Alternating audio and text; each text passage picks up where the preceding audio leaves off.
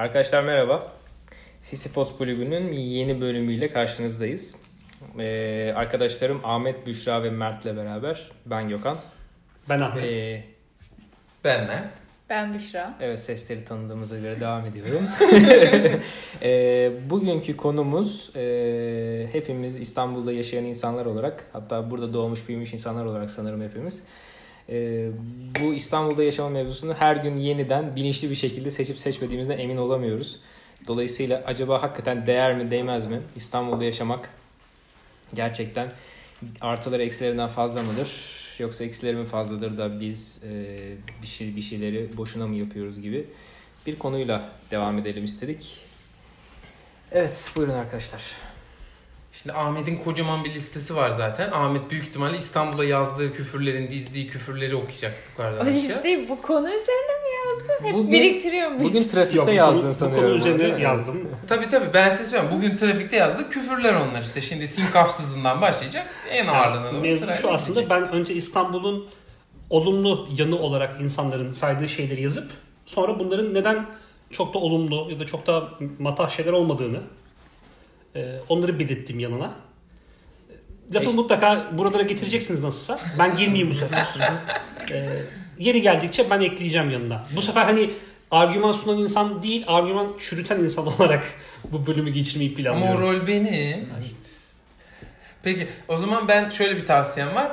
Ee, içimizde e, hani doğma büyüme buralı olmayan Büşra ile başlayalım. Hani başka bir yerden gelip İstanbul'da yaşamayı görmüş.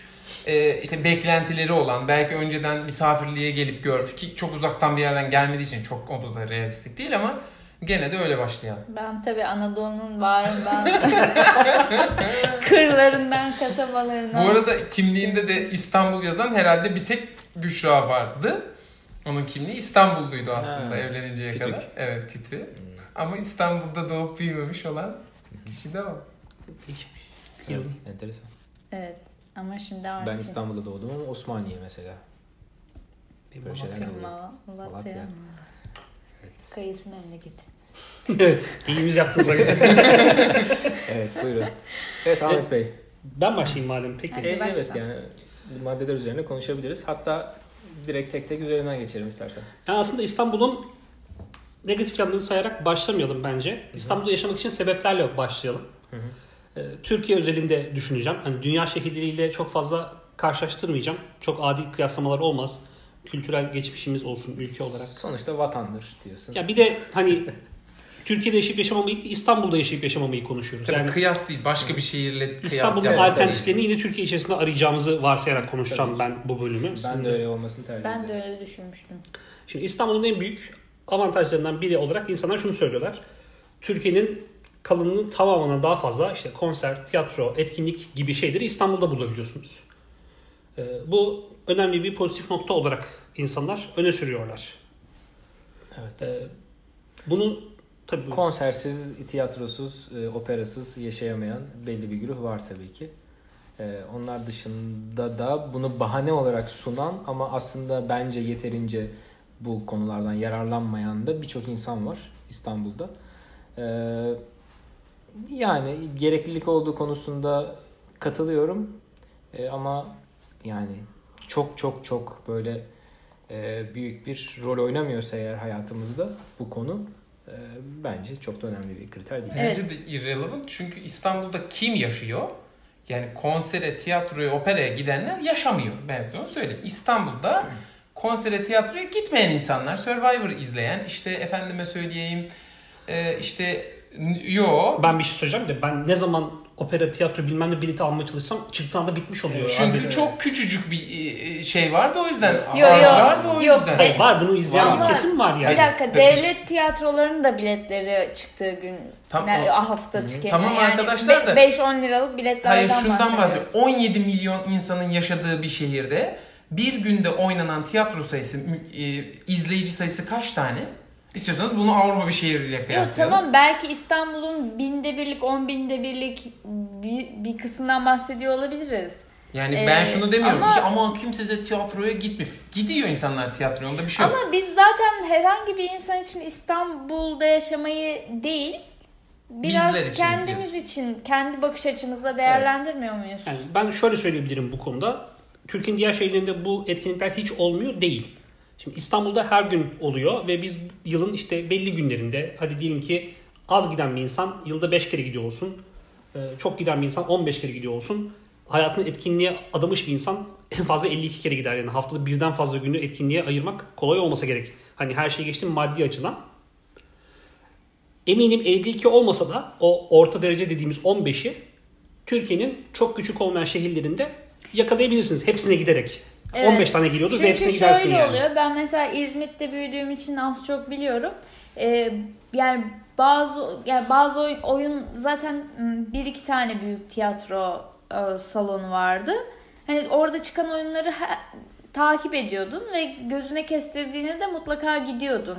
Burada turneler de oluyor sonuçta. Turneler de oluyor. İşte konserlerin yine turnesi vesaire oluyor. Hani küçük şehirde yaşayınca tabii çok küçük şehirlerden bahsetmiyorum. Çünkü onlara gitmiyordur muhtemelen ama Türkiye'nin en büyük 10-15 şehrinde e, zaten az geldiği için daha çok takip ediyor oluyorsun. Daha çok gitmeye Orada çalışıyorsun. şeyi de söylemem lazım zaten. Biz burada İstanbul şart mı veya İstanbul değ- değiyor mu diye konuşurken alternatif olarak işte Isparta'yı, Bitlis'i ya da işte ne bileyim Artvin'i söyleyemeyiz.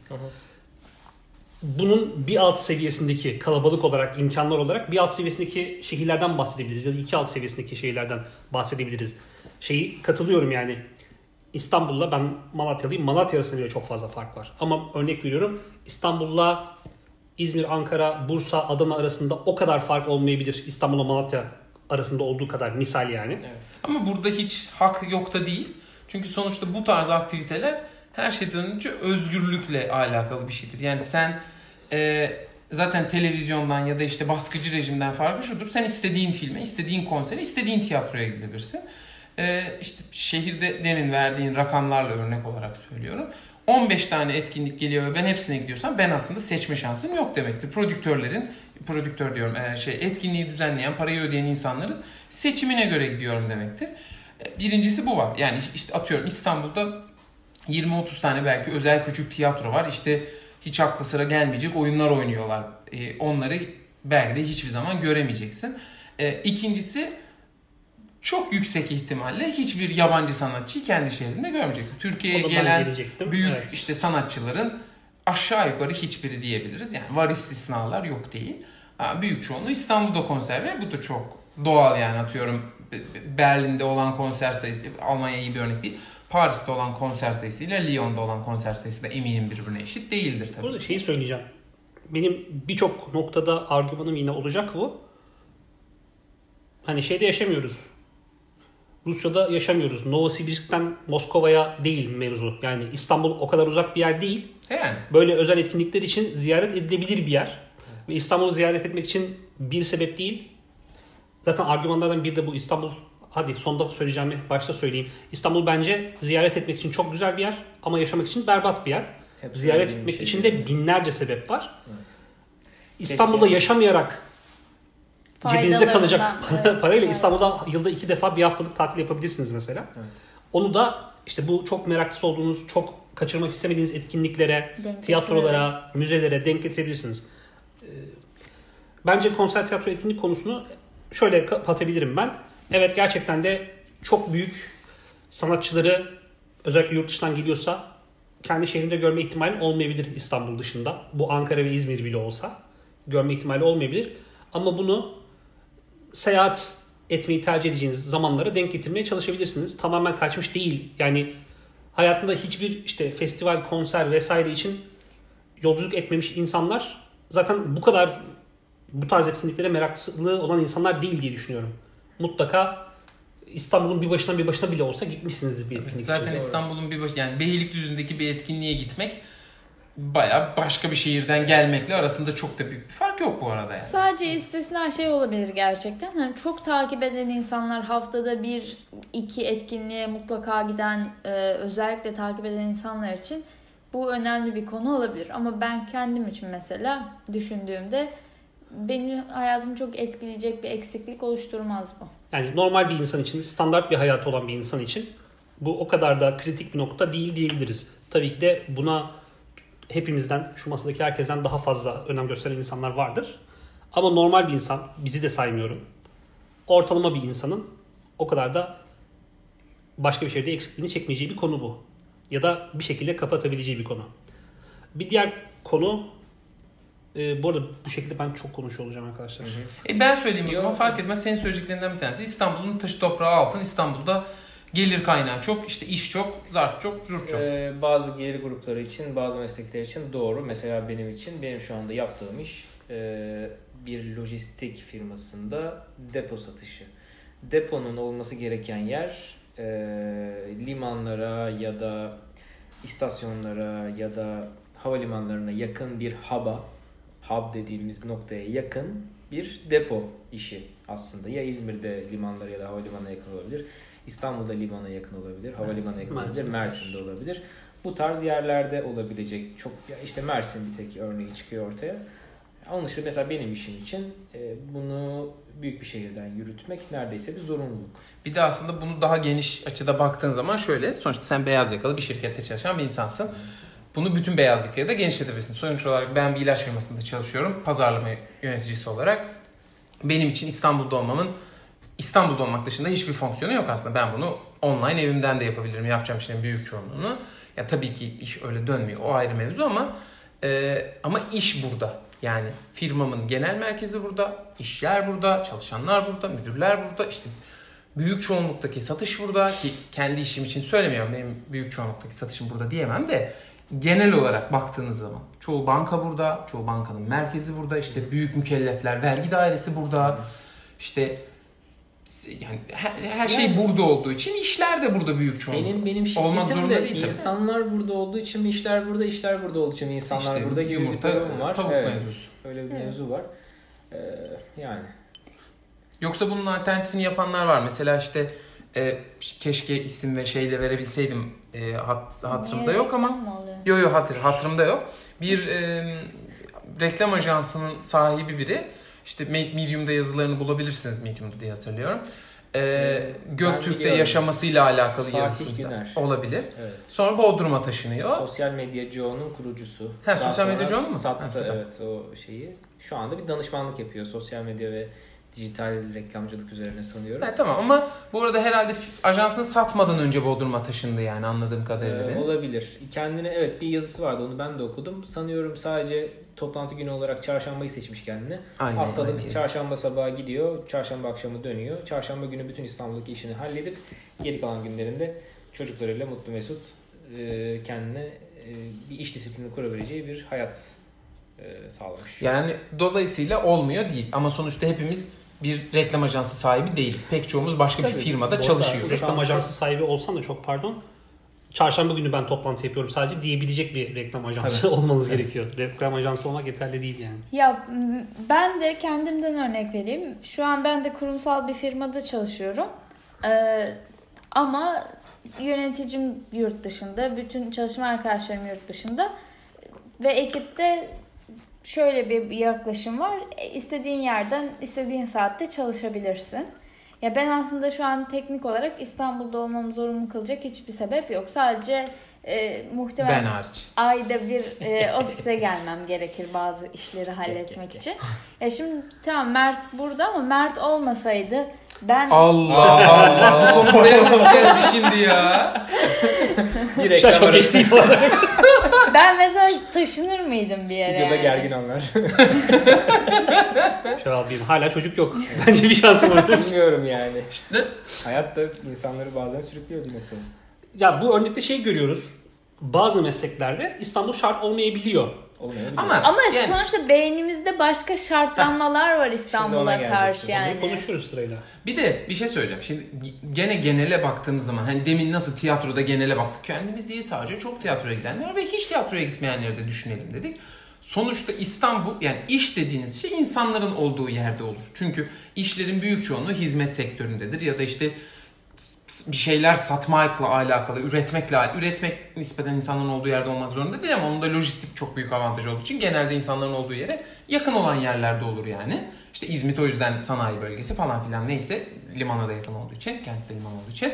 Neyse dolayısıyla işin adeti de kalabalık yerlerde çok olur. Yani bu çok makul bir şey yani. Bence bunda çok rocket science bir şey değil. Çok da olmayacak bir şey de değil. E, evet ya dediğin doğru ama başka ihtimaller de olabilir. İlla sen burada bu şirkette o işi yapmak zorunda değilsin diye düşünüyorum.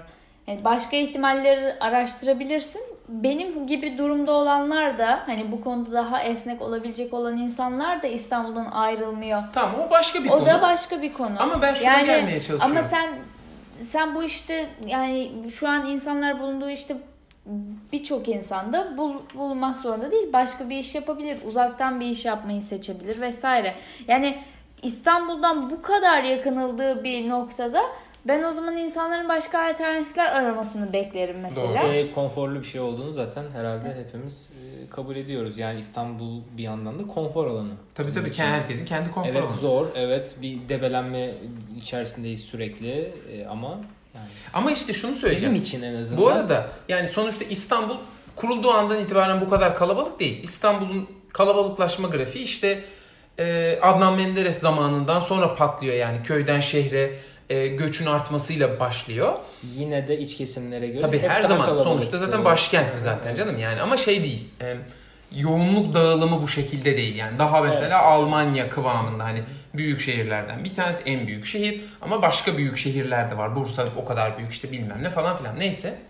Sonuçta yoğunlaşma belli bir dönemden Ay, sonra başlıyor. Ama yani zaten Türkiye'nin nüfusu son 60-70 yılda kaç? 10 milyondan 80 milyona çıktı. Yani Tamam ama işte 60-70 demeyeyim belki 100 yıla yakındır da. E, Ya sadece İstanbul, ha. İstanbul'un yoğunlaşması değil. O zaten dünyadaki Pardon. nüfus ilgili. 1933'te 15 milyon nüfus. Ya, 10 yılda 15 milyon genç yarattık her yaştan. Hı. O ona şey Ha, yapıyor. güzel referansmış. Peki e, aklımızda kalması için güzel şeymiş. E, ama şunu söylemeye çalışıyorum. Yani bu insanların bu şehre göçmesinin bir sebebi vardı. Yani şeye demek çok mantıksız geliyor. Ya Suriye'deki insanlar da niye yani çıkıyorlar memleketlerinden? Ne olacak? Her yerde savaş var. İnsanlar oturuyorlar evlerinde. Böyle bir şey yok. Onun için Yani diyor ya. Var Hayır. var diyen var. var o yüzden. Diyen var. Ama Ya, ya dolayısıyla ben- adam da köyden kente göçerken herkes de şeyden değil. Salak aman buranın taşı toprağı altıymış kaynım benim burada çok zengin. Öyle değil yani. İnsanlar gerçekten Zorunluluktan, Zorunluluktan da var, göçen çok var yani. Zorunluluktan göçmeyen de var. Babasının E, toprağını işlemek istemeyen de var. Yo var. Ee, ben İstanbul'a gideyim de e, yani sokaklarda dolanayım en, en kötü Eminönü'ne işportacı olurum diyen de Tabii var. zaten Türk insanı Var olarak yani. hızlı zengin olmak en büyük hızlı zengin olma isteği bence en büyük handikapımız son özellikle 20-30 senede televizyon iyice vücudumuza girmiş olan artık genlerimize işlemiş olan bir hatamız. Dolayısıyla bu bunun bir getirisi. Ona da hemfikirim ama bir kısmı da gerçekten bir şey yapamadıkları için. Yani şunu da düşünün.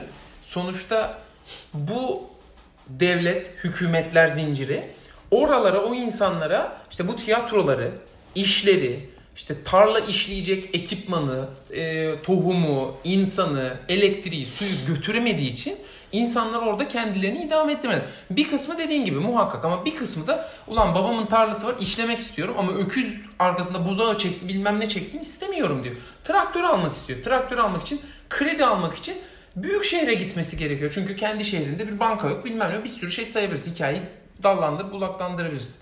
Dolayısıyla şey de bakmamak lazım. Ya İstanbul'da işte hype yani insanlarda falan. Öyle değil yani. Bazı insanlar için de zorunluluk.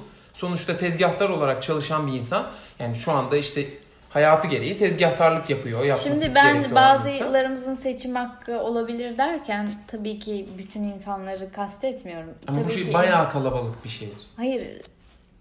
An, ya insanların tabii ki İstanbul'un nüfus yoğunluğunun iş sebepli olduğu tabii ki aşikar. Yani buradaki iş olanakları zaten dediğin gibi o san, Türkiye'nin sanayileşmesiyle sanayi kuruluşlarının İstanbul ve çevresinde olmasıyla daha sonra da insanların bu iş iş için bu tarafa göç etmesiyle oluştu. Ama şu an konuştuğumuz konu daha çok e, daha bir alternatifi olan insanlar için İstanbul bir seçenekken başka yerleri seçmiyor ama İstanbul'u seçiyor olmak.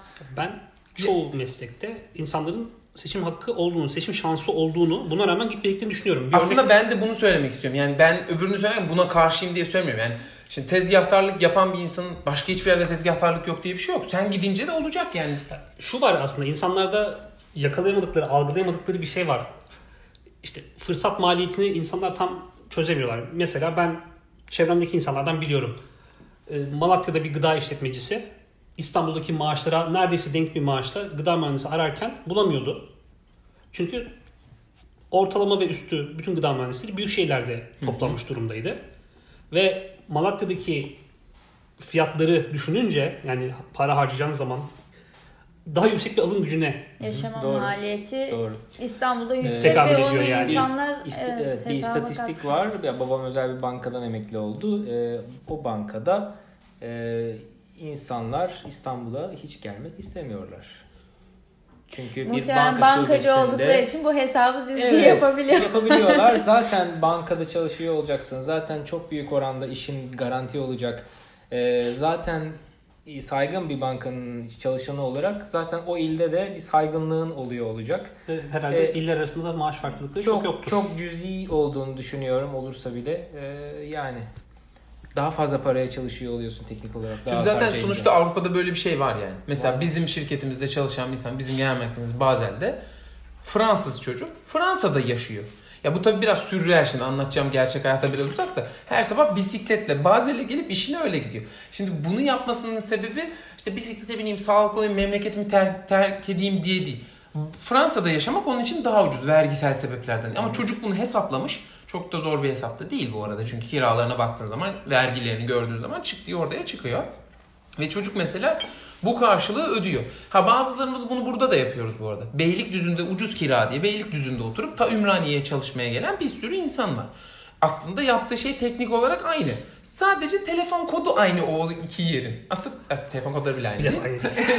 ama yani söylemeye çalıştığım şey Anladım, onlar bir anladım. şehir ama Anladım. aslında bir Tabii şehir gibi değil. Bunu tabii konuşurken yani hani e, ben özellikle konuşmadan önce ısrarla söylemiştim. Kaç paraya tuzağına düşmeden bu konuyu konuşalım diye. Düştük Bunun- mü Gökhan? Düşmek, düşmek üzereyiz şu anda. Ee, Onu toparlayayım. düşmek üzereyiz çünkü işin bir mental yorgunluğu da var. Tabii. Yol yorgunluğu da var. Çevrendeki insanlara verdiğin zamanın kalitesi de var. Ee, sana kendin için kalan enerjinin değeri de var. Gibi gibi gibi. Ya bu arada şöyle bir gerçek var. İstanbul'da doğup büyümemiş bir insan kariyer konusunda bu kadar agresif olma ihtimali diğer şehirlerde doğmuş, doğmuş büyümüş insanlara göre daha fazla. Ve şunu da çoğu zaman göz ardı ediyoruz. Gerçekten çok başarılı değilseniz satın alma gücünüz her yerde aynı olacaktır. Kayda değer bir işiniz olduğu sürece. İstanbul'da 5 alırsınız, İzmir'de 4 alırsınız, Malatya'da 3 alırsınız, Şırnak'ta 2 alırsınız. Misal veriyorum bunları. Ama hepsi aynı satın alma gücüne denk gelecek. Senin daha sonra zıplama yapma gibi bir niyetin yoksa, işte para biriktirip sonra İstanbul'a gelmek gibi bir derdin yoksa Ama işte herkesin derdi o işte. işte bu olmamalı. Şimdi uluslararası firmalar veya işte büyük firmalarla ilgili şunu ben görüyorum. İstanbul gibi yerleri seçmesinin bir önemli sebebi işte havalimanının çok fazla bağlantı sunması. Yani çok uluslu bir şirketin İstanbul'da merkezi olması bir gereklilik. Çünkü işte farklı merkezlerdeki personelleri İstanbul'a gelip tek uçakla bağlanabilmeliler. Ama bu da aşırı bir miktarda, aşırı sayıda bir şirket değil. Bu, buna ihtiyaç olan firmalar, ihtiyacı olan Küçük firmalar. bir kısımdan bahsediyoruz. Bunların aşırı kalabalık bir personel tabanları yok. Yok. Hatta yani misal veriyorum sadece Alman kökenli olan ve Almanya ile işi olan bir firma gayet bunu İzmir'den Alman şey İzmir'den Antalya'dan Ankara'dan yapabilir. Bir de bu arz talep meselesi. Bilmem neye Evet. Tabii canım. uçaklar var yani kaldı mesela. Ki, kaldı ki şu anda benim işimden de bildiğim kadarıyla tedarik zinciri yönetimi bakımından e, yavaş yavaş artık yurt dışından İstanbul'a bir gümrükten sokalım, İstanbul'da bir depo tutalım ve yurt dışına dağıtalımdan ziyade bu işi aynı işi İzmir limanına getirelim. İzmir civarında bir depoya taşıyalım. Metrekare fiyatlarını yüzde X e, işim hiç olduğu için söyleyemiyorum şu anda. Yüzde X işte daha düşük bir depoda e, Evet. bulalım. İş gücü de eğer e, iş gücü rahat iş gücü bulabileceğimiz bir yere kurarsak eğer bu depoyu da zaten işçilik olarak da biraz daha aşağı çekmiş oluyoruz. Sadece iş e, İzmir civarından bütün Türkiye'ye yapacağımız iç nakliyenin maliyeti Ama işte orada oluyor. kritik noktayı söyledin iş gücü bulmak. Yani Evet. İstanbul'un Bu arada- firmalar için en Aynen öyle. e, cafcaflı taraflarından bir tanesi bu. Aynen. Herkes İzmir'de- burada. Bu arada bu Almanya'da da sorun, Fransa'da herhalde da canım. sorun, İspanya'da da sorun, her yerde İzmir'de sorun. yaşayan insanların söylediği şu Manisa olmasa İzmir'de iş bulamayız diyorlar. Doğru. Yani İzmir'de kurulacak Doğru. bir firmanın personel bulmak konusunda sorun yaşayacağını düşünmüyorum. Ama Doğru. çok Ve Örnek ilgili de bir şey bir yani şey söyleyeceğim. söylediğin İzmir Ben İzmir özelinde söylüyorum bunu. Her şehir için geçerli olmayabilir ama yeni havalimanının bu kadar uzağa taşınmasıyla birlikte yani İzmir'den İstanbul Havalimanı'na uçup oradan bir yere uçmak İstanbul merkezinde bir yerden havalimanına gitmekle denk olabilir yani. Ee, arada zaten o arz talep meselesi. Hele artık uçaklar falan gibi şeylerde büyük bir firma ben bütün işimi Ankara'ya taşıyorum dese o firmanın merkezine uçuş zaten bir hafta 10 gün sonra gelir. yoktu Pegasus'tan zor. önce Zor. sonuçta yani. Evet. Yani sonuç olarak e, alım gücüyle alakalı olarak Türkiye'nin doğusundan batısına azalan maaşla beraber alım gücünde bir değişiklik olmuyorsa demek ki başka konuları konuşacağız demektir. Neyi konuşacağız? Ee, bir saniye ben bakıyorum. İstanbul'un güzelliklerinden bahsediyor insanlar. Herkesin söylediği şu. Bunu söyleyen insanlar Boğaziçi'ne yılda 3 kere gören ya da daha az gören Çok insanlar ama aa bir Boğaz bakış dünyada açısı. bir tane böyle bir yer daha yok. İstanbul dışında ben nerede yaşarım? Çok romantik bir bakış açısı. Boğaz'a git dediğim zaman Ya abi çok trafik. yani gidiyor manzara görmeyen bir restoranda oturuyor. Kışını Önünde dönüyor yalı- denize. yalılar var falan. Kışını dönüyor denize. Denize kıçını dönüyor. Ya da işte Emirgan'da 1 saat 45 dakika trafik çekiyor. Otopark sorunu çekiyor. Veya Ondan sonra iyi bir yere yere gitmeye çalışıyor. gideyim dersen 200-300 lira bir yemeğe veriyorsun. O da sıra bekleyip oturabilirsen falan. Ee, Boğaziçi evet güzel bir yer gerçekten. Eşsiz bir yer mi dünyada? Eşsiz bir yer olduğunu düşünmüyorum. Gayet güzel bir yer olduğunu düşünüyorum. Terbiyesiz. Terbiyesiz Deniz, değil yani. deniz ulaşımının bu kadar primitif düzeyde e, kullanıldığı başka bir deniz şehri yoktur herhalde. Yani Evet. O yüzden Boğaz'ın Bu hiçbir şekilde tadını çıkaramıyoruz. Kimsenin balık bilmediği, Ee, yemek yemediği. Emirgan'a gidiyorsun, e, bir tane çay bahçesine oturuyorsun, önünden kamyon geçiyor, E, egzoz gazını yutuyorsun, E, başka yerden valeler kovalıyor falan filan işte yani. Yani Sonuçta ben de bu konuda dertliyim. Bu arada ama şöyle de bir şey var. Yani e, pek çok ülkede de bunun yani pek çok yerde bizim gibi sorunlarla yaşadığı için pek çok yerde de bunun değeri bilinmiyor. Atıyorum Dubai'de de deniz kıyısına gidip gökdelen dikiyor adamlar zihniyetleri benzer olduğu için zaten bizimkilere. E, do- dolayısıyla yani bir sürü yerde oluyor işte ne bileyim New York'un deniz kıyısında da işte hep sahiller, güzel yeşillikler yok. Orada da bir, ben gitmedim ama örnek olarak attım kafadan. Ya da işte aynı şeyi işte doğu yakası için söyleyebiliriz yani. Batı yakası için pardon. E, güzel olan korunmuş yerleri muhakkak var. Bizim de var az da olsa. Doğru. E, ama bir de yani Ahmet'in söylediği şey çok doğru. Senede 3 kere zevkini çıkardın ve işin kötüsü şu. Kafeye gidiyorsun, arkadaşlarınla oturuyorsun. Nargile içip tavla oynuyorsun. Ya onun sen zevkini Evet. çıkarmıyorsun. Yani karşısına oturup sen Orhan Veli gibi şiir mi yazdın? Sevgilinle oraya bakıp telefonuna bakmadan, Instagram'a bakmadan boğaza mı baktın? Yani olsa böğrümü yesin. Ama değil. Bir de ikincisi çok pardon. Ee, hangi kitaptaydı bilmiyorum. Bileniniz olursa yardımcı olursanız çok sevinirim. İstanbul'da mesela İstanbul Boğazı'nı görmemiş bir sürü insan var. Şimdi onu söyleyecektim ben de. Evet yani Bizim böyle de bir durum var. mesela. Ayrıca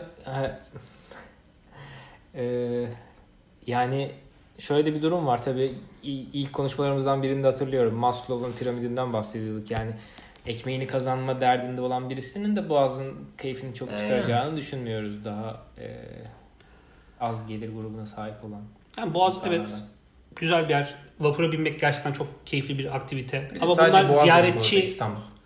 Başka bir sürü güzel şeyler var ama aslında. hepsi için İstanbul'un geçerli. bence Boğaz dahil en taklit edilemez yeri tarihi yarımada muhtemelen. Gerçekten oradaki deneyimi dünyada benzerleri var ama herhalde en çok benzeyen şey Halep'ti.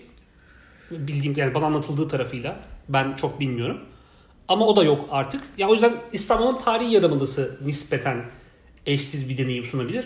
Ama bu da dünyanın bütün kalanının yaptığı gibi, yılda 15 milyon insanın yaptığı gibi ziyaret edip de görülebilecek bir şey. Ee, bir haftanızı ayırıp, 3-4 gününüzü ayırıp Ki bunu ona görebilirsiniz eminim yani. başka bir şehirde yaşıyor olsak ve İstanbul'a gelsek eminim çok daha güzel gezerdik. fazla tadını Tarihi çıkarırsın. yarımadayı şu anki halimizden. Şimdi şey yapıyoruz yani ya otopark sorunu var orada hiç gitmeyelim falan diyoruz yani. Evet. Mesela ben tarihi yarımadada çalışıyorum. Ne sıklıkta beni ziyarete geliyorsunuz arkadaşlar? Çok nadir yani. Çünkü sorun ulaşmak oraya yani. Doğru. Ee, Ben Bundan sonra daha çok şey geleceğim. biliyorum yani Bakırköy'deki bir arkadaşımın deniz otobüsüyle Kadıköy'e geçip vapurla Eminönü'ne gelip bana geldiğini hatırlıyorum yani. Bu kadar Vallahi- çaresizlik söz konusu İstanbul'da. Ee, Çaresizliğe bırak bunu bir gün Google bana bana önerdi yani. Ciddi evet, bir kere Google önerdi bunu. Beylikdüzü'nün hatta bir günde Beylikdüzü'nden işte Kartal civarına gidecekken e, Çorlu yeni, Havalimanı'ndan. yeni kapıdan yeni kapıdan Yalova'ya attı beni. Yalova'dan da Pendik'e attı Ciddi falan gibi bir durum var yani. Evet. Ama Böyle ya- şeyler yaşıyoruz. Ha, biz. bence konu da gelirken ben de bir örnekle e, buna e, parmağımı basayım. Biz okuldan, üniversiteden okuldan çıkardık. Yalovalı arkadaşımla eve gitmek için. Ben Florya'da oturuyorum. Şeyde Sarıyer'de okulumuz. Evet. O Yalova'ya daha erken gidiyordu benden. Ben çünkü gidemiyordum evime üç Evet. buçuk saatte falan. Tamam. O gidebiliyordu. Olumsuzlara daha geçmedik. Yo Buyurun. bence Evet. trafik Yok zaten hepsinde Evet. olumlu ve karşında olumsuz şeyleri söylüyoruz. tamam. yani. bence o zaman trafik en olumlu tarafından başlayalım. Yani Evet, trafik. Bu arada trafik sorunlardan bir tanesi aslında. Tek başına konuşulmayı hak ediyor İstanbul'da ama aslında bunun işte çöp sorunu da var, hava kirliliği de var. Hepsi aslında aynı tandansta. Hepsi kalabalık ve altyapı olmamasının getirdiği. Çöp sorunu var mı ya? Ben denk gelmiyorum. b- Bence üstü kapalı bir çöp sorunumuz Ya var daha yani. şöyle söyleyeyim. İstanbul Büyükşehir olarak gördüğüm benzer büyüklükteki şeylerin tamamından daha temiz. Temiz kaldığı için değil, sürekli çok iyi temizlendiği için. Yoksa inanılmaz kirletiyoruz da yani mesela sürekli idrar kokusu çekmediğimiz tek büyük şehir olabilir İstanbul. Ya o konuda haklısın aslında. Çok Haklısın. O Evet. tabii alkol kullanımı ve Hı, kısıtlamaları ile ilgili olabilir. ama sonuç olarak hava kirliliği, işte ne bileyim ben deniz kirliliği, işte gürültü kirliliği, ışık kirliliği Bu bunlar da arada sonuçta. bence sokaklarımız çok çöplü oluyor ya. Ve çok güzel temizlenen yerler oluyor. Ama benim İstanbul'da gördüğüm şey e, belli bölgeleri çok güzel e, mesela temizliyor çalışanlar. Ama onların dağılımı iyi yapılmamış sanırım. Bence Bazı yerlerde çok çöplü oluyor. Bence Yok iyi bu şey yapılıyor. Yaşa- genel müdürün evinin karşısına mesela Evet, reklam şeyi alırsın hemen. Ben de yani hani şimdi Öyle mi oluyor? Evet yani oyla doğru orantılı tabii bu durumlar. Yani eğer ki yani oy gelen yere hizmet var, oy gelmeyen Tabii. yere hizmet yok. Kaldırım Zaten taş- oy gelen yerin oyu bize yetiyor. Kaldırım taşları sarı beyaz ne zaman boyanır? Sadece seçimlerden önce boyanır. E, ne fonksiyonu var bilmiyorum ama hani sadece o zaman boyanır. Başka hiçbir zaman boyanmaz hayatlarında. E, zaten 7-5 senedir boyanma. ya da oy gelmiyorsa bile insanca yaşamaya önem veren yerlere bence hizmet gidiyor. Ama Öyle bence trafiği veya şeyi konuşabiliriz. Yani sonuçta Bir gömelim o zaman biraz İstanbul'u. İstanbul'un altyapısının eksik olduğunu konuşulacak bir tarafı yok. Zaten yani neredeyse yüz ölçümünün yarısının gece kondu ya da imarsız ya da iskansız ya da plansız programsız yapıldığı ki bu tarih boyunca böyle neredeyse yani hani cumhuriyet ya da bilmem ne hükümetinin suçu falan demek bile bence çok doğru değil. Bir düzende iyi geçtiği zamanlar var bu arada. Arada hani çok iyi olan zamanlar muhakkak vardır. Bazı bölgeler için bazı belediyeler, bazı işte hükümetlerin falan çok iyi işleri olduğu yerler var. Ama genel olarak hala kötü altyapılı. Yani şu an mesela işte Katıköy Fikirtepe'deyiz. Ya mesela burası yeni şehirleşen, tekrar şehirleşen işte kentsel dönüşüme gelen bir şey. Kentsel dönüşüm plana, programa göre değil, paraya göre yapılıyor şu an mesela burada. Ee, Hollanda'daydı galiba. Amsterdam şehrinin bir mimarı varmış mesela. ilk şehir işte bu kanalların örtülüp işte şehirleşmenin büyüdüğü zamanda mesela şehrin bir mimarı var. Şehri adam planlamış. Ee, İstanbul'da da e, Kızıl Toprak civarından Bostancı civarına kadar e, ki olan kısmın sahilden minibüs yoluna kadar böyle bir dörtgen düşünün. Hı hı. E, burası e, çok şu anda hatırlamıyorum ama Cemil Topuzlu diye isim geliyor. C- Profesör Doktor Cemil Topuzlu sanıyorum. Onun tarafından kendisi bir mimar ve şehir plancısı olması lazım. E, o aradaki ızgara şeklindeki sokakların ilk mimarı odur Yani mesela. Buradan başlıyor iş. Daha sonra buradan yayılıyor. Tabii işte altyapı olan yerlere bakıyorsun işte Barcelona neden kare kare işte Paris işte yuvarlaktan açılan bilmem ne. Çünkü bir sistem var, bir çalışma var, bir mantık var arkasında. Bizde ya tabii bunu kaldırabilecek altyapı da yok. Yani zaten 20 senede 20 milyon tane insan yüklenince şehir planlama bölümü falan bile olmayınca şehirde tabii ki yapamazlardı. Çok şaşıracak bir şey de değil ama hala yapılmıyor olması üzücü olan tarafı bence o. E, is- ben bir şey sormak istiyorum. Ya İstanbul'da bizi yıpratan şeylerin genel şeyi nedir? Or teması nedir? Ortak özelliği nedir? Bizim üzerimizde niye etkisi var? Güzel soru. Zamanımızı mı çalıyor? Sinirlerimizi mi yıpratıyor? Ee, ya da buna bağlı başka bir şey mi var? Ben daha böyle yukarıda bir şeye ulaşmaya çalışıyorum. Şu an çok fazla şey sayabilirim yani. Ya ama hani genel bir şey var Mesela, mı bunun yani? Niye, niye geriliyorsun. İstanbul'da? Sürekli acelemiz var. Çünkü zamanımız dar olduğu için Evet. bir yerlere koşturmamız lazım. Heh. Güzel bir şey İstanbul'a bulduğu özgü zaman Bu İstanbul'dan dolayı mı böyle? İstanbul'da yaşamanın çok büyük etkisi var. Londra'da Ya- yaşasan böyle olmayacak? Yok büyük şehir, çok Büyük- büyük şehirlerde yaşamanın bunun Evet. etkisi var. İstanbul'da yaşamasına rağmen Pollyanna gibi takılan insanlar yok mudur? Ya vardır elbette o aldıkları ilaçları bizle paylaşırlarsa. ya bu arada e, gerçekten oturduğun yerin, işinin lokasyonu, nasıl nasıl bir ulaşım kullandığın vesaire bence günlük hayatı çok etkilediğini düşünüyorum. evet ben de. Ee, yani mesela Etiler'de yaşayıp Levent'te çalışıp işe yürüyerek gidebiliyorsan bu kadar Neyle çok şey yaşamıyor olabilirsin evet, Bundan İstanbul'da 3-4 gün önce akşam vakti Feriköy'den Nişantaşı'na gittim. 13-14 dakika sürdü arabayla. 14 dakikada şaka yapmıyorum, abartmıyorum. 6 tane trafik kazası soru yani e, potansiyeli atlattım. Çünkü insanlar gerçekten hayatlarından ve insanlardan bıkmış şekilde araba kullanıyorlar ve insanların canına kastederek araba kullanıyorlar. 14 dakikada 6 kaza ihtimali Formula 1 yarışçısı değilseniz Evet. çok makul gelmiyor bana. E işte bak se- senin işin ve evin dolayısıyla çetrefilli bir bölgesinde İstanbul'un her gün seyahat etmek zorunda kalıyorsun. Öyle olmayan nadir sayıda Ama şey insan var. söyleyeceğim. Ben biliyorum. Bu, bu söylediğin ne Evet biliyor çok küçük bir e, e, sayıda insan. Bunlar için İstanbul bence dünyanın en güzel şehirlerinden biri bu insanlar için. Ya Evine yürüyerek- yürümek çok mu güzel? O Evet. iğrenç caddeler yani Hayır yarısı. çok güzel yem, Yarısı. yemyeşil cadde sokaklar Bence fena var. değil ya. Ya Yani bu şey fanusta yaşıyorsun. Fanusun güzel bir yerdeyse Ben çok güzel tabii fanusla yani. alakalı olduğunu düşünmüyorum ya. Yani hayatın Ama gün gören fanusundaysan- alakalı Bence. Of. Şimdi Ya şöyle Gökhan, bir durum var. bir şey dakika söyleyeceğim bir şimdi. şey söyleyeceğim. Mesela çok- Kendimden örnek vermek Buyur, istiyorum. lütfen. Ee, bir, ya 5 sene liseye, ondan sonra 4-5 sene üniversiteye, ondan sonra da 4 sene şu anda çalıştığım iş yerine ee, hafta içi her gün gidişte 3 vesait, dönüşte 3 vesait. Gittim geldim. Bu toplam 14 senenin yaklaşık olarak 7 senesinde kendi şahsi arabamla da gidip gelme şansım vardı. Ama ben arabayla gittiğim günlerde hareket edemediğim için birincisi, e, insan doğru dürüst göremediğim için ikincisi, e, temiz hava alamadığım için üçüncüsü, arabanın içinde gerildiğimi hissettim. Yani ben ne kadar kalabalık olursa olsun, ne kadar havasız olursa olsun, ne kadar kokuyu olursa olsun, e, yürümeyi, hareket etmeyi, insanların içinde olmayı seviyorum. Ve bu benim için iyi bir şeydi.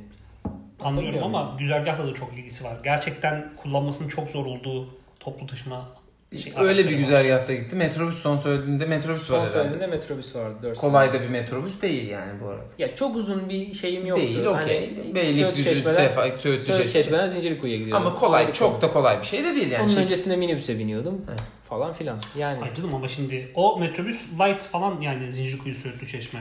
Metrobüsün expert level'ı böyle Tamam ama şirin yani cevizli Expert- bağ falan tamam, yani. Expert level olmak zorunda değil. Adam diyor ki stand bence normal bir insan için e, İstanbul'da yaşayan Bir saat ortalama abi. bir insan için gayet bir saat. Bu arada Üç ilk vasıta durak, bir normal bir şey. son durakta diyorsun ama öyle metrobüs yolculuğu çok şey bana satma bunu yani. Abi haftanın iki günü oturuyordum da çaktırma şimdi yani. Ayrı bir şey. Burada yani günde metrobüse binen bir buçuk milyon insan ağlayarak dinleme ben bu potansiyeli arada var. yaklaşık 8 sene falan ara durakta indim. Ara durak ama önemli olan o değil. Ama söylemeye çalıştığı şeyi ben anlıyorum. Yani benim mesela kişisel şeyim İstanbul'da en çok yoran şey mesela bence beni kalabalıktan bile ziyade kültür mesela. Çünkü kültürümüz öyle bir hale geldi ki mesela kimse araba kullanmayı bilmemek bir şey değil. Öğrenilir. Çok zor bir şey değil. Ben çok güzel araba kullanıyorum diye bir iddiam yok. Bu Ama arada bu arada İstanbul'un şoförleri bence iyi araba kullanıyorlar. Sadece saygısız Kesinlikle ve öyle. agresifler yani. Ve saygısızlık, agresiflik, ö- öne atlama, yok işte yol verilmez alınır gibi muhabbetler yüzünden aslında bence İstanbul trafiği çözmesi kolay bir trafik. Bu bakımdan kötü de olsa bir kültürü var abi.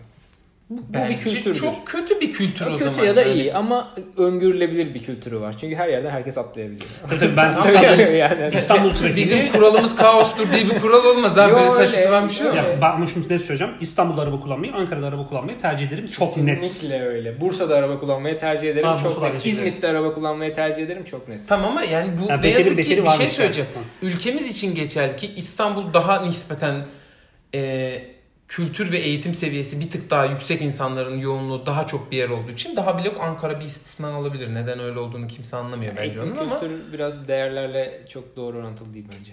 E, olabilir tabii ki ama şu yani E, bu aslında Türkiye'nin her yeri içinde geçerli. O yüzden bence İstanbul'un alternatifi olarak konuştuğumuz zaman da zorlanıyoruz. Ben kendi kafamda zorlanıyorum yani. Birinin şlaks diye yere tükürebildiği bir dünyada yani senin önünden yürürken bir de hani ne bileyim abi başka bir herkesin ortasında falan yapabildiği bir dünyada mutlu yaşamak zor yani.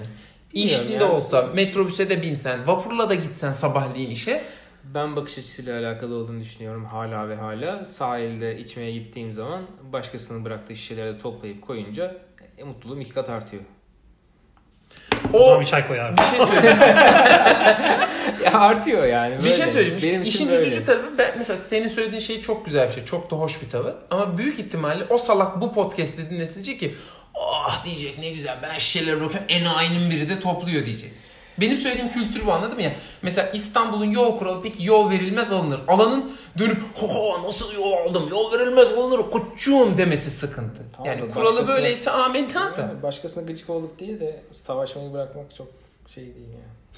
Öyle ya. Öyle abi öyle. Neyse tamam okey. Ya ben Devam İstanbul'da ediyoruz. yaşamak için en geçerli gerekçeler şunlar olabilir diye düşünüyorum. Eğitim olanakları ve tıbbi olanaklar çok gelişmiş durumda. Diğer şehirlere göre fersah fersah ileride olduğu iki alan bunlar. Buna katılıyorum. Katılmamak Evet. elde değil. Ama şöyle bir şey var yani tıbbi olanaklar acil durumun Ankara'da tatildeyken başına gelmeyeceğini de bilemezsin. Ya zaten bu arada bilmiyorum çok emin değilim ama İstanbul'daki tıbbi olanaklar yani acil konudan daha çok hani tedavisi Evet. zor Evet. olan, Evet. e, teşhisi zor olan konularda İstanbul'a daha çok Aynen. geliyor insanlar. Zaten eğitim konusunda da bakacak olursanız 10-15 tane lise, 7-8 üniversite dışında da yani bunları toplasanız toplam öğrenci nüfusu aileleri dahil 100 bin etmez bu bahsettiğim kurumların yani. Demek ki kalan 14 milyon 900 bin insan için geçerli gerekçe değil bu yani. Ee, Ben İstanbul'da beni en çok Ya bu arada eğitim 100 binden daha çok kişiyi etkiler. Sırf İstanbul Seçtiği Üniversitesi. 15 tane insanda 15 okuldan Yani şimdi- Ama sırf Semt İstanbul üniversiteleri var. Üniversitesi bile Hayır. el, kaç bin kişi? İstanbul Üniversitesi'nin her bölümü İstanbul'a göç etmeyi gerektirecek bölümler değil bence. Çok iyi bölümleri vardır elbet ama Anadolu'daki şehirlerde de denge olan Yani bölümler kaldı mı artık ona da bence Kaldı bayağı... ki zaten İTÜ'sünden Boğaziçi'sine, hadi Boğaziçi'yi biraz dışarı tutuyorum da İTÜ, İTÜ özellikle ve diğer hani ismi bilinmiş üniversiteler dahi zaten lise dengi üniversiteler artık yani çok da bir şey beklemiyorum ben. Ben bu ekip zaten üniversite gömem bir ekip o yüzden yorum yapmayacağım. Ee, şey İstanbul'da herhalde diğer şehirlerde bulmanın en zor olduğu şeyler benim için söylüyorum. Böyle bazı semtlerin böyle inanılmaz bir İstanbul'un ta geçmiş günlerden gelen bir mahalle kültürü var. Onu ben öyle bir yerde yaşamıyorum bu arada. Ee, ona rağmen gittiğim zaman gördüğüm zaman bu beni mutlu ediyor. Başka ziyaret ettiğim yerlerde pek buna rastlamadım. Neresi var mesela? Kuzgun. Kuzguncuk mesela, işte Emiryan mesela. Emiryan'ın tabii şu anda bozuluyor. Görüyoruz bunu. Zaten negatif yanlardan biri de bu mutenalaştırma, gentrific- gentrification dedikleri. Yani mahalle olan yerleri, işte Arnavutköy bir mahalleydi. Artık mahalle değil. Çünkü işte barlar, kafeler bilmem neler. Emirgan öyleydi.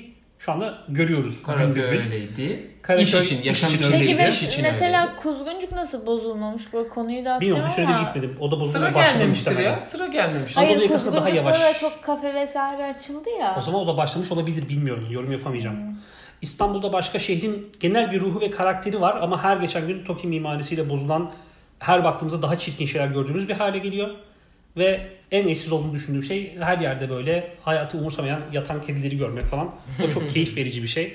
Evet. Ee, o bir saniyenin bir saniyeliğinde de olsa konuşamadım. Hayatı bir yavaşlatıyor. Evet. Sonra ne yazık ki koşturmaya Kedi, devam kedi ediyorsun. bulunur ama ya kedi şey. Bu kadar çok olmuyor ya. Görmedim. Ee, ben bir şey eklemek istiyorum. Ee, bence büyük bir şey. Özellikle İstanbul'da hadi diyelim ki aradığımızı bulamadık ve başka bir yere gideceğiz. Ee, gittiğimiz yerde mutlaka olması gereken şey sosyallik.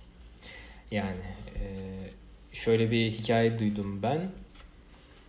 Ee, bir örnek tabii bu sadece ama kadının bir tanesi 35'li yaşlarında. Şu anda var bir hikaye. Şu anda adını hatırlamıyorum ama bir inek e, süt çiftliği kuruyorlar. Ee, Daha sonrasında bu süt çiftliği büyüyor. İnekleri artıyor kocasıyla beraber. Ee, Daha sonrasında işler yetişmemeye başlayınca ilan veriliyor. Çalışma karşılığında yer, yatak vesaire sağlanıyor Avrupalı gençlere ya da yurt içinden e, çalışmak isteyenlere. Onlar da geliyorlar, gidiyorlar. Süreli olarak çalışıyorlar. 2 ay çalışıyor, 3 ay çalışıyor, 5 ay çalışıyor. Daha sonrasında karı koca bakıyorlar ki yeniden yalnız kalıyorlar. Ee, buna bir çözüm bulmak lazım. Çevremizde hiç insan yok. Gelen de gidiyor. Bizim güvenebileceğimiz, omzumuzda yiyebileceğimiz en azından bir 10-15 kişinin bu civarda olması gerekiyor daha Nerede diyorlar. Ee, yerini bilmiyorum ama Bursa diyesim geliyor bir de Tekirdağ diyesim geliyor. Bu Marmara bölgesinde bir yer. Çok da böyle hani aslında sapa bir yer değil ama yine de çevrelerinde yakın yerlerinde çok bir insan yok. Öyle bir yerdeler. Ee, sonrasında diyorlar ki biz 8100 köy galiba öyle bir şey. 8100 köy projesi gibi bir şey vardı. Ee, bunun da amacı şu. Farklı farklı işler yapan yöresel olarak en az 10 ailenin karı koca ve çocuktan bahsediyorum. Bulunduğu böyle ufak komüniteler yaratmak. Kendi içlerinde bir değiş tokuş e, şeklinde bir sistemle e, kendi ihtiyaçlarını ve ya dışarıdan ihtiyaçlarını karşılayabildikleri aynı zamanda sosyal ihtiyaçlarını karşı karşılayabildikleri bir şey. Yani ben kısa keseyim. Yani bu sosyallik illaki kırsal bir yere gidersek aranacak ya da bir başka bir ile gidersek yine aranacak. Ee, bilmiyorum burada arkadaşlarımız ezelden beri olduğu için mi buranın sosyalliği bize cazip geliyor? Başka bir yerde bulunamaz bir şey midir bu bilmiyorum. Ben burada Ama- bir itiraz edeceğim. Bu konuşmayı yapabileceğimiz bir ekibin Malatya'da da olmasını isterim. Malatya'da yaşarsam eğer. Ben bir itirazda bulunacağım. Buyurun. İstanbul'da değil de Bursa'da, İzmir'de, Ankara konusunda çok yorum yapamayacağım ama yani İstanbul dışındaki Türkiye'nin bütün şehirlerinde ben aynı gün içerisinde iş yerimden çıkıp Mertleri ziyaret edip onlarla bir iki saat oturup sonra seni gelip seni ziyaret edip sonra ailemi ziyaret edip sonra evime gidip yatabilirim. Ama sorun şu Onların da orada, orada Mert lazım. yok, o yok, bu yok. Mert yok o yok değil edeceksin? arkadaşlar yani orada insan yok mu? İşte soru o. Gökhan'ın sorusu da o. Orada bir sosyallik ihtiyacı olacak. Şu anki duruşumuzla bütün arkadaşlarımız, sosyal çevremiz İstanbul'dayken sanki oraya orada yalnızlık çekermişsin gibi geliyor. Ama orada da edineceğin bir sosyal çevre olacaktır illaki. O sosyal ki çevre senin için uygun olacak mı? Tamam diyecek misin yani? Mutlu olacak Ya mısın? Bir şey söyleyeceğim. Bu sorunun cevabı net tamam değil. mu- Muhakkak değil. Bir sürü arkadaşımız var yurt dışına giden. Bunlardan süreli olarak bir tanesi de sendin. Herkes o sosyal çevreyi kuramıyor gittiği yerde. Yani biz de Gurbet diye bir olmamız- şey. Ya Mezun olalı 12 sene oldu biz de liseden. E, Dönüyoruz dolaşıyoruz. Beraberiz. Ya bir de gurbet diye bir şey yok. Yani bunu insanlar başka arkadaşlarım var vallahi. Abi benim yok çok tamam şimdi belli oldu bu podcast'ini ya. Hayır bir de bir şey söyleyeceğim. Allah yani kahretsin çıkardım. ben orayı silerim Gökhan merak etme.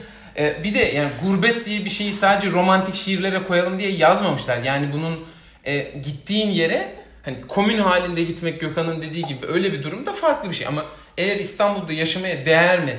Yok değmiyor baboli. Ben daha değer bir şey buldum. Hayatımı mutlu yaşayacağım.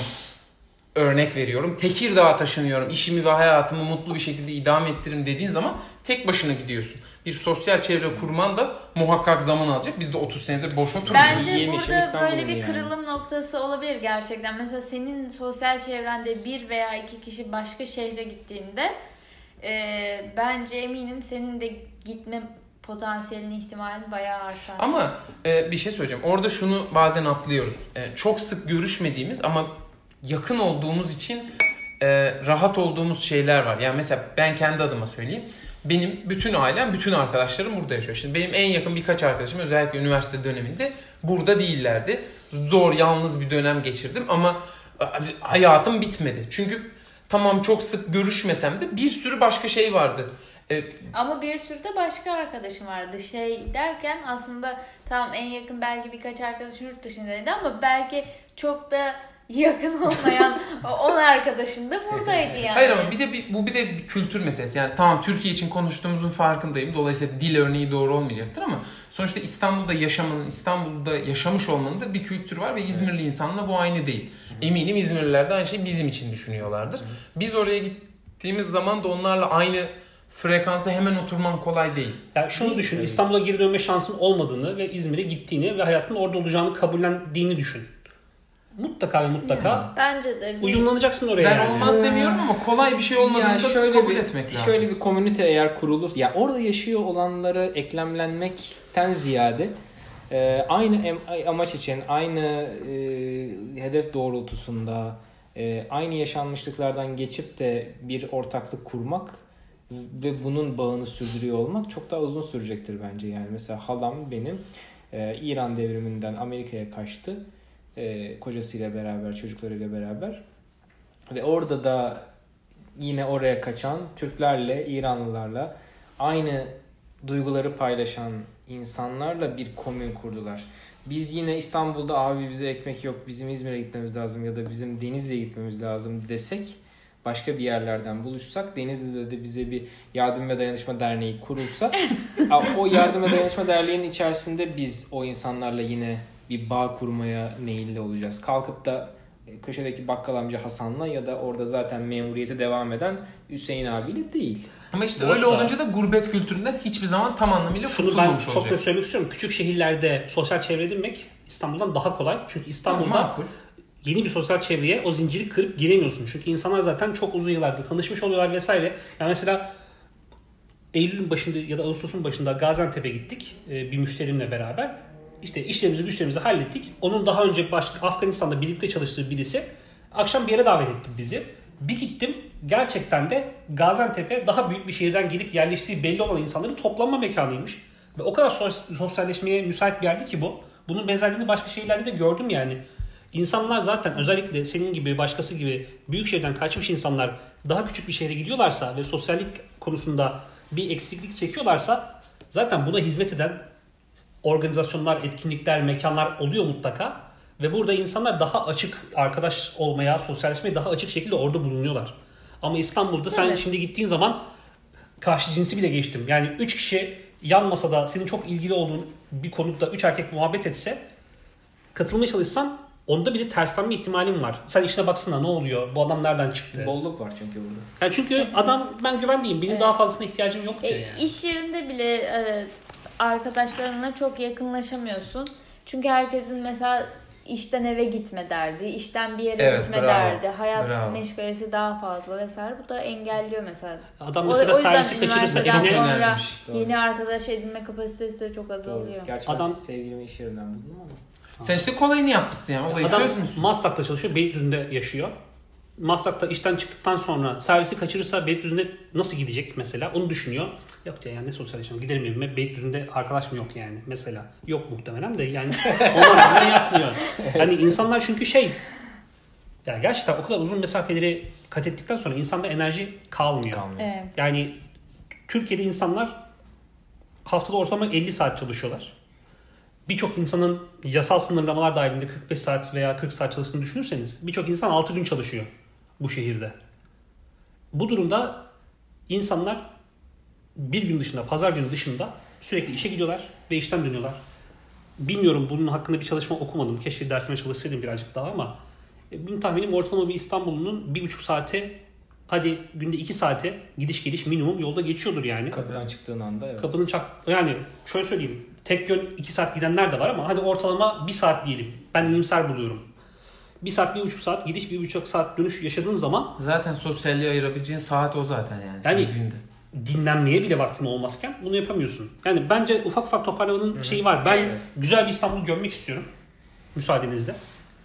Ee, böyle 2 dakikalık, 3 dakikalık bir tirad olacak bu İstanbul'da göründüğü. Buyurun. Şimdi bir çok iyi olduğunu düşündüğün, çok iyi para kazandığını ve kariyerinin çok parlak olduğunu düşündüğün bir işte çalışıyorsun. Yaptığın modern kölelik e, tasmasını da takıyorsun kravat. Ondan sonra sana da tatmin ettiğini düşündüğün bir para veriyorlar. Onu da kiraya veriyorsun ya da ev taksidine veriyorsun. Ev zaten pahalı. Ederinin çok üzerinde para ödediğin bir evin taksidini ödüyorsun ya da kirasını ödüyorsun. Ondan sonra haftada 5 gün çalışıyorsan şanslısın. O 5 günde de 9 saat çalışıyorsan yine şanslısın. Çok daha fazla insan daha fazlası çalışmak zorunda kalıyor. Koştura koştura işe gidiyorsun. Sabahın 6'sında 5.30'da kalkıp işe yetişeceğim diye 8'de başlayacak diye. İşten çıktığın zaman da tam iş çıkışı trafiğine denk geliyorsun. Arkadaşınla buluşacaksan buluşana kadar zaten enerjin tükeniyor. Evine geleceksen evine gelene kadar enerjin tükeniyor. Evini mi temizleyeceksin, yemeğini mi yapacaksın, ailene mi vakit harcayacaksın, arkadaşınla buluşacaksın, hobin var mı, bunu mu yapacaksın? Zaten bir enerji düşüklüğü, zaman kaybı, zaman darlığı var. Kaldı ki zaman buldun, bir yere gittin. Acaba gittiğin yerde oturma şansın olacak mı? Sıra beklemek zorunda kalacak mısın? Geçen hafta sonu Nişantaşı'nda bir kahvaltı mekanının önünde 40 metrelik kuyruk gördüm. Yani acınası paranla rezil olmak değil bu artık saflık da değil bu baş- başka bir şey. Ne kadar iyi yapıyor olabilir? 40 dakika şey 40 metrelik bir sırayı beklemek için ne kadar iyi bir yemek ya da hizmet sunuyor olabilir? Bunu yapmak zorunda kalıyorsun. Çünkü işine saygı duyan insan sayısı zaten az. Bunlara gidip de hizmet alabilmek için ya da ürün alabilmek için sıra beklemen gerekiyor. Kaldı ki sıra beklediğin halde süründüğün yerlerde oluyor. Yemeğini yiyorsun resmen garson başında, başında bekliyor ki kalk git diyor. Valiye arabanı bıraktın diyelim. Hani şanslısın arabanla gittin. Ee, otopark zaten bulma gibi bir ihtimal pek fazla yok. Valiye arabanı bıraktın. Adam sanki düşmanının malıymış gibi kullanıyor arabayı. Bir bakıyorsun 30 saniyelik valiye yolculuğu için koltuğun ayarını değiştirmiş, bilmem ne yapmış, aynı düzeltmiş vesaire. Zaten bir geliyor adam önünde patinaj çekerek duruyor. Adama sesini çıkarsan 6 tane valiye seni dövecek. Kadın bile olsan dövecek. Böyle bir memleketiz çünkü. İçeri giriyorsun ter kokuyor. Yani onu saymıyorum bile zaten. Toplu taşımayla gittin diyelim. İnsanlar gerçekten kişisel alan diye bir kavram kesinlikle yok. Ülkenizin genelinde yok. Anladığım kadarıyla kalabalık ülkelerin hiçbirisinde yok bu. Çünkü genel olarak sana düşen alan dar yani. Gerçi yani evet. Ama yani kişisel alan diye bir şey yok. Adam yani- şeyin farkında değil yani. Om, senin üzerine omzuyla baskı yaptığı zaman varlığıyla seni rahatsız ettiğinin farkında değil. Sen yaptığın zaman rahatsız da olmuyor. İşin garip tarafı Öyle da bir o. konseptten haberi Bu yok. yer yokluğuyla alakalı değil bence. Kültürle Kesinlikle. alakalı. Tabii yani. konseptten haberi yok canım. Yani gidip de kişisel bir yerde, alan evet yani köy kahvesinde de Otobüste 10 tane boş koltuk varken hoşuna giden koltuk senin oturduğun koltuk serisi diye gelip yanına oturabiliyor bir insan. Demiyor ki yani başka koltuğa oturayım bugün de demiyor. Kimse ikinci en iyi senaryoyu uygulamak istemiyor. Kendisi için en iyi olan neyse o. Çünkü bu şehirde sürekli hakkın yeniyor. Bu sürekli, şehirde kendini sürekli korumak zorundasın, kollamak zorundasın.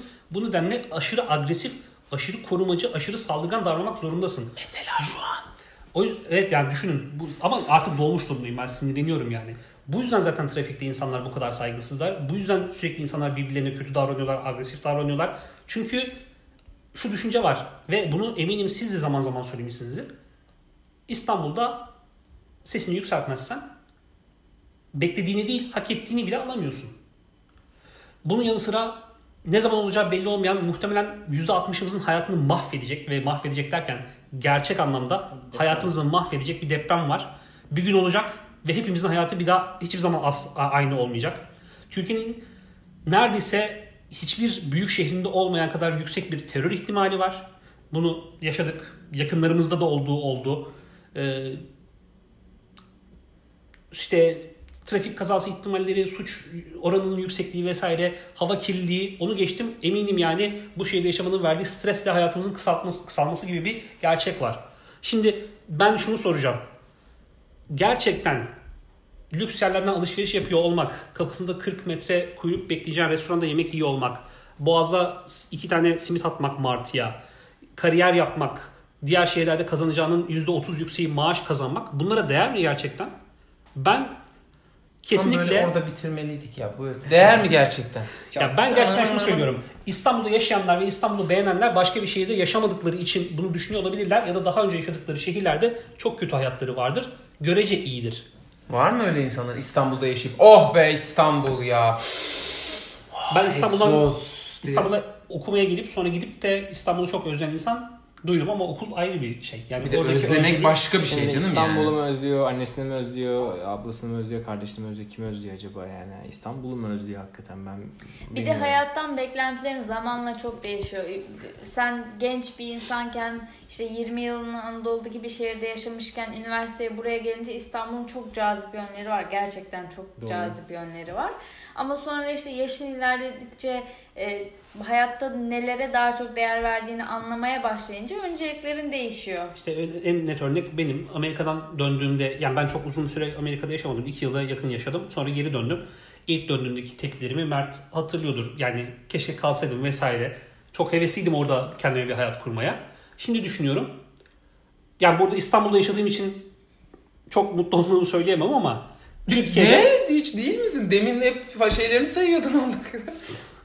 Yani İstanbul'da yaşıyor olmak benim için sorun aslında. Amerika'yı özlemiyorum ben. Amerika'daki şehrin ve yaşadığım şehrin bana verdiği rahatlığı özlüyorum daha çok. Muhtemelen ona benzer bir hayatı kurabileceğim bir şehirde yaşasam iş çıkışında çünkü orada da okul saatlerim uzundu benim yani. İş çıkışında arkadaşlarımla buluşabileceğim, rahat rahat gidip oturabileceğim bir yerde olsa, ondan sonra bir günde birden fazla etkinlik yapabilecek olsam muhtemelen Peki, o zaman kritik bir soru soracağım. Kapama sorusu bence soralım. Ben sorup sonra sen de sor. Aynı değilse ben sorumu iptal edeceğim. Çünkü zaten cevap vermeyebilirsin diyeceğim zaten. Şimdi bu sorunun burada aslında en net hedefi sensin. Çünkü en flexible işi olan kendin işin olması daha de, sebebiyle nispeten Aslında bence seninki. en tersi. Ee, yani şöyle ben başka bir iş bulmak, başka bir kariyer çizmek zorundayım kendime. Başka bir şehre gidersem. Ahmet nispeten kendi işinin bir kolunu benim şahsi kanaatim devam ettirebilir. Alıcın ya da en mı? azından bir durun Abi- bir dakika. Ya da en azından başka bir işte olsa kendi işini yapabilir. Başka bir iş yapabilir. Ya da hepimiz için de geçerli olsun. Okey. Abi fark etmez yani Gökhan'a da soruyor olabilir. Ama ben sana soruyorum. Cevap vermemekte haklısın. Çünkü kişisel bir soru. Podcast'ta paylaşmak istemeyebilirsin. Peki neden o zaman? birinci bölümdeki bir şey gönderme yapacağım ama hani hep şey amacım var demiştim ya bir miras bırakmak. Bir de bana miras bırakılmış bir şey de var. 5 nesildir yapılan 38 yıldır aynı lokasyonda devam eden bir şey var. Bırakmak için çok güçlü sebeplerim oldu geçtiğimiz 12 yıl içerisinde. Ama bu kadar büyük bir mirası da yani parasal anlamda demiyorum. İşte Evet, heritage'ın bundan tam karşılığı ne bilmiyorum ama Miras işte. ee, yani öyle köklü bir geçmişi de direkt bırakıp gidemiyorsunuz. Gerçekten aşırı cazip bir B planı olmasa olması lazım ki O bunu belki bırakabilirsiniz yani. kapatmak, kapayıp gitmek anlamında söylemedi de. Evet. Ama şöyle söyleyeyim yani Şey 350 yıllık bir çarşıda 38 yıldır aynı noktada artık neredeyse kişiliğimle özdeşleşmiş bir yerde çalışıyorum ben. Peki. Bırakmak kolay değil yani. Neyse, Bence aranızda en özelliği- zoru benimki bırakmam Tamam yani. onun özeline girmeyeyim. Sen senin son kapanış Benim soracaksın. sorum şuydu. Yok başka e, son kapamak isteyen varsa kapasın da en son şu soruyla bitirelim diyecektim. İstanbul değilse hangi şehirde yaşamak isterdiniz? Sadece isterdiniz. Mantıksal bir açıklaması olmasına gerek yok.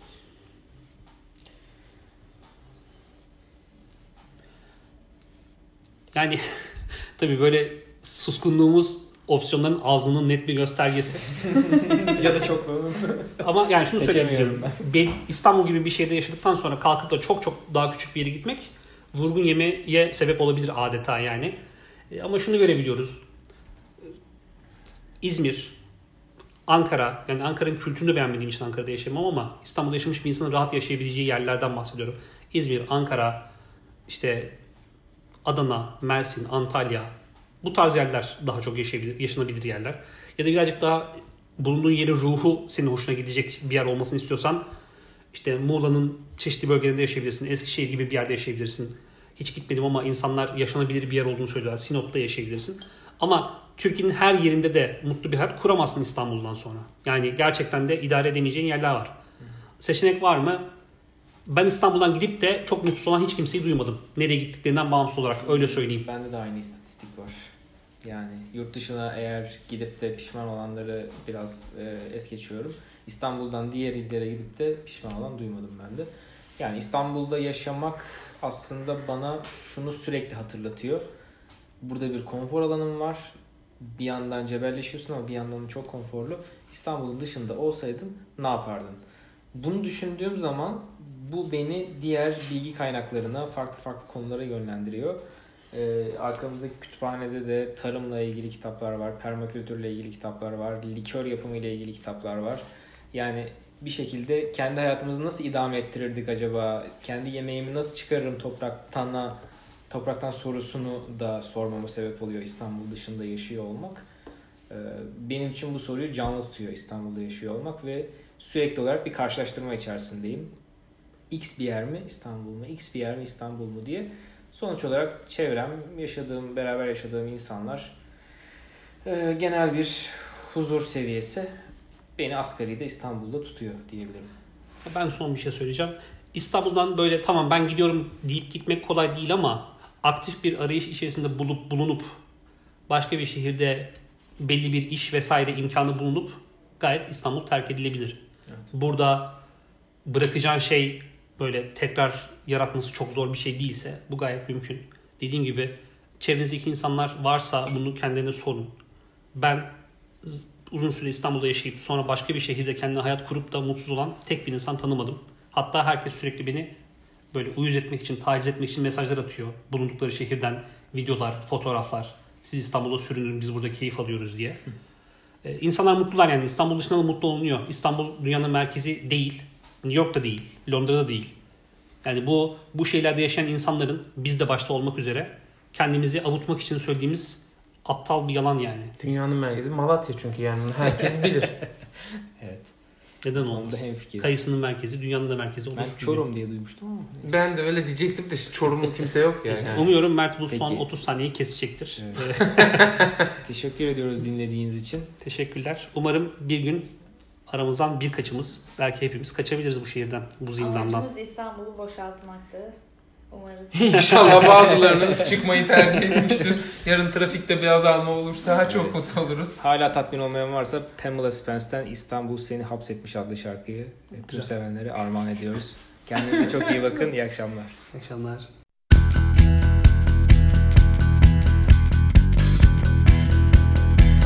Bir ortak geçmişimiz var Bir de hep açık yaralar Kendine hatırlattığın Fazla parlamış anılar Karşıma her yerde çıkan.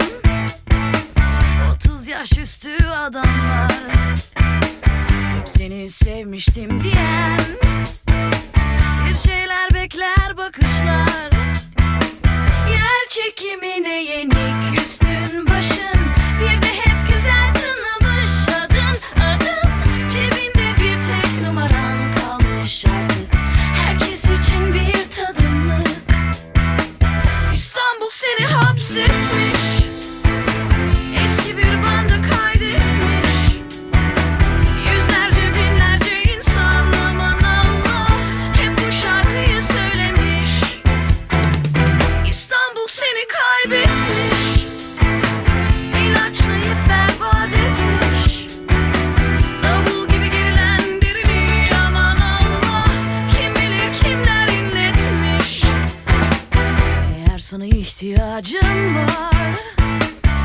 Dersen her an gelebilirim Kendinden bir vazgeçersen eğer Gerçekten sevebilirim.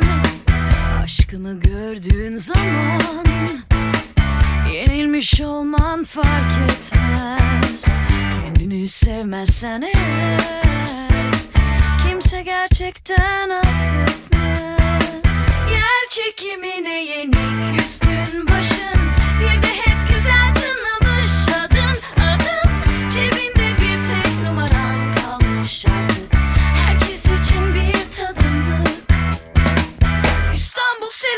hapsetmiş Eski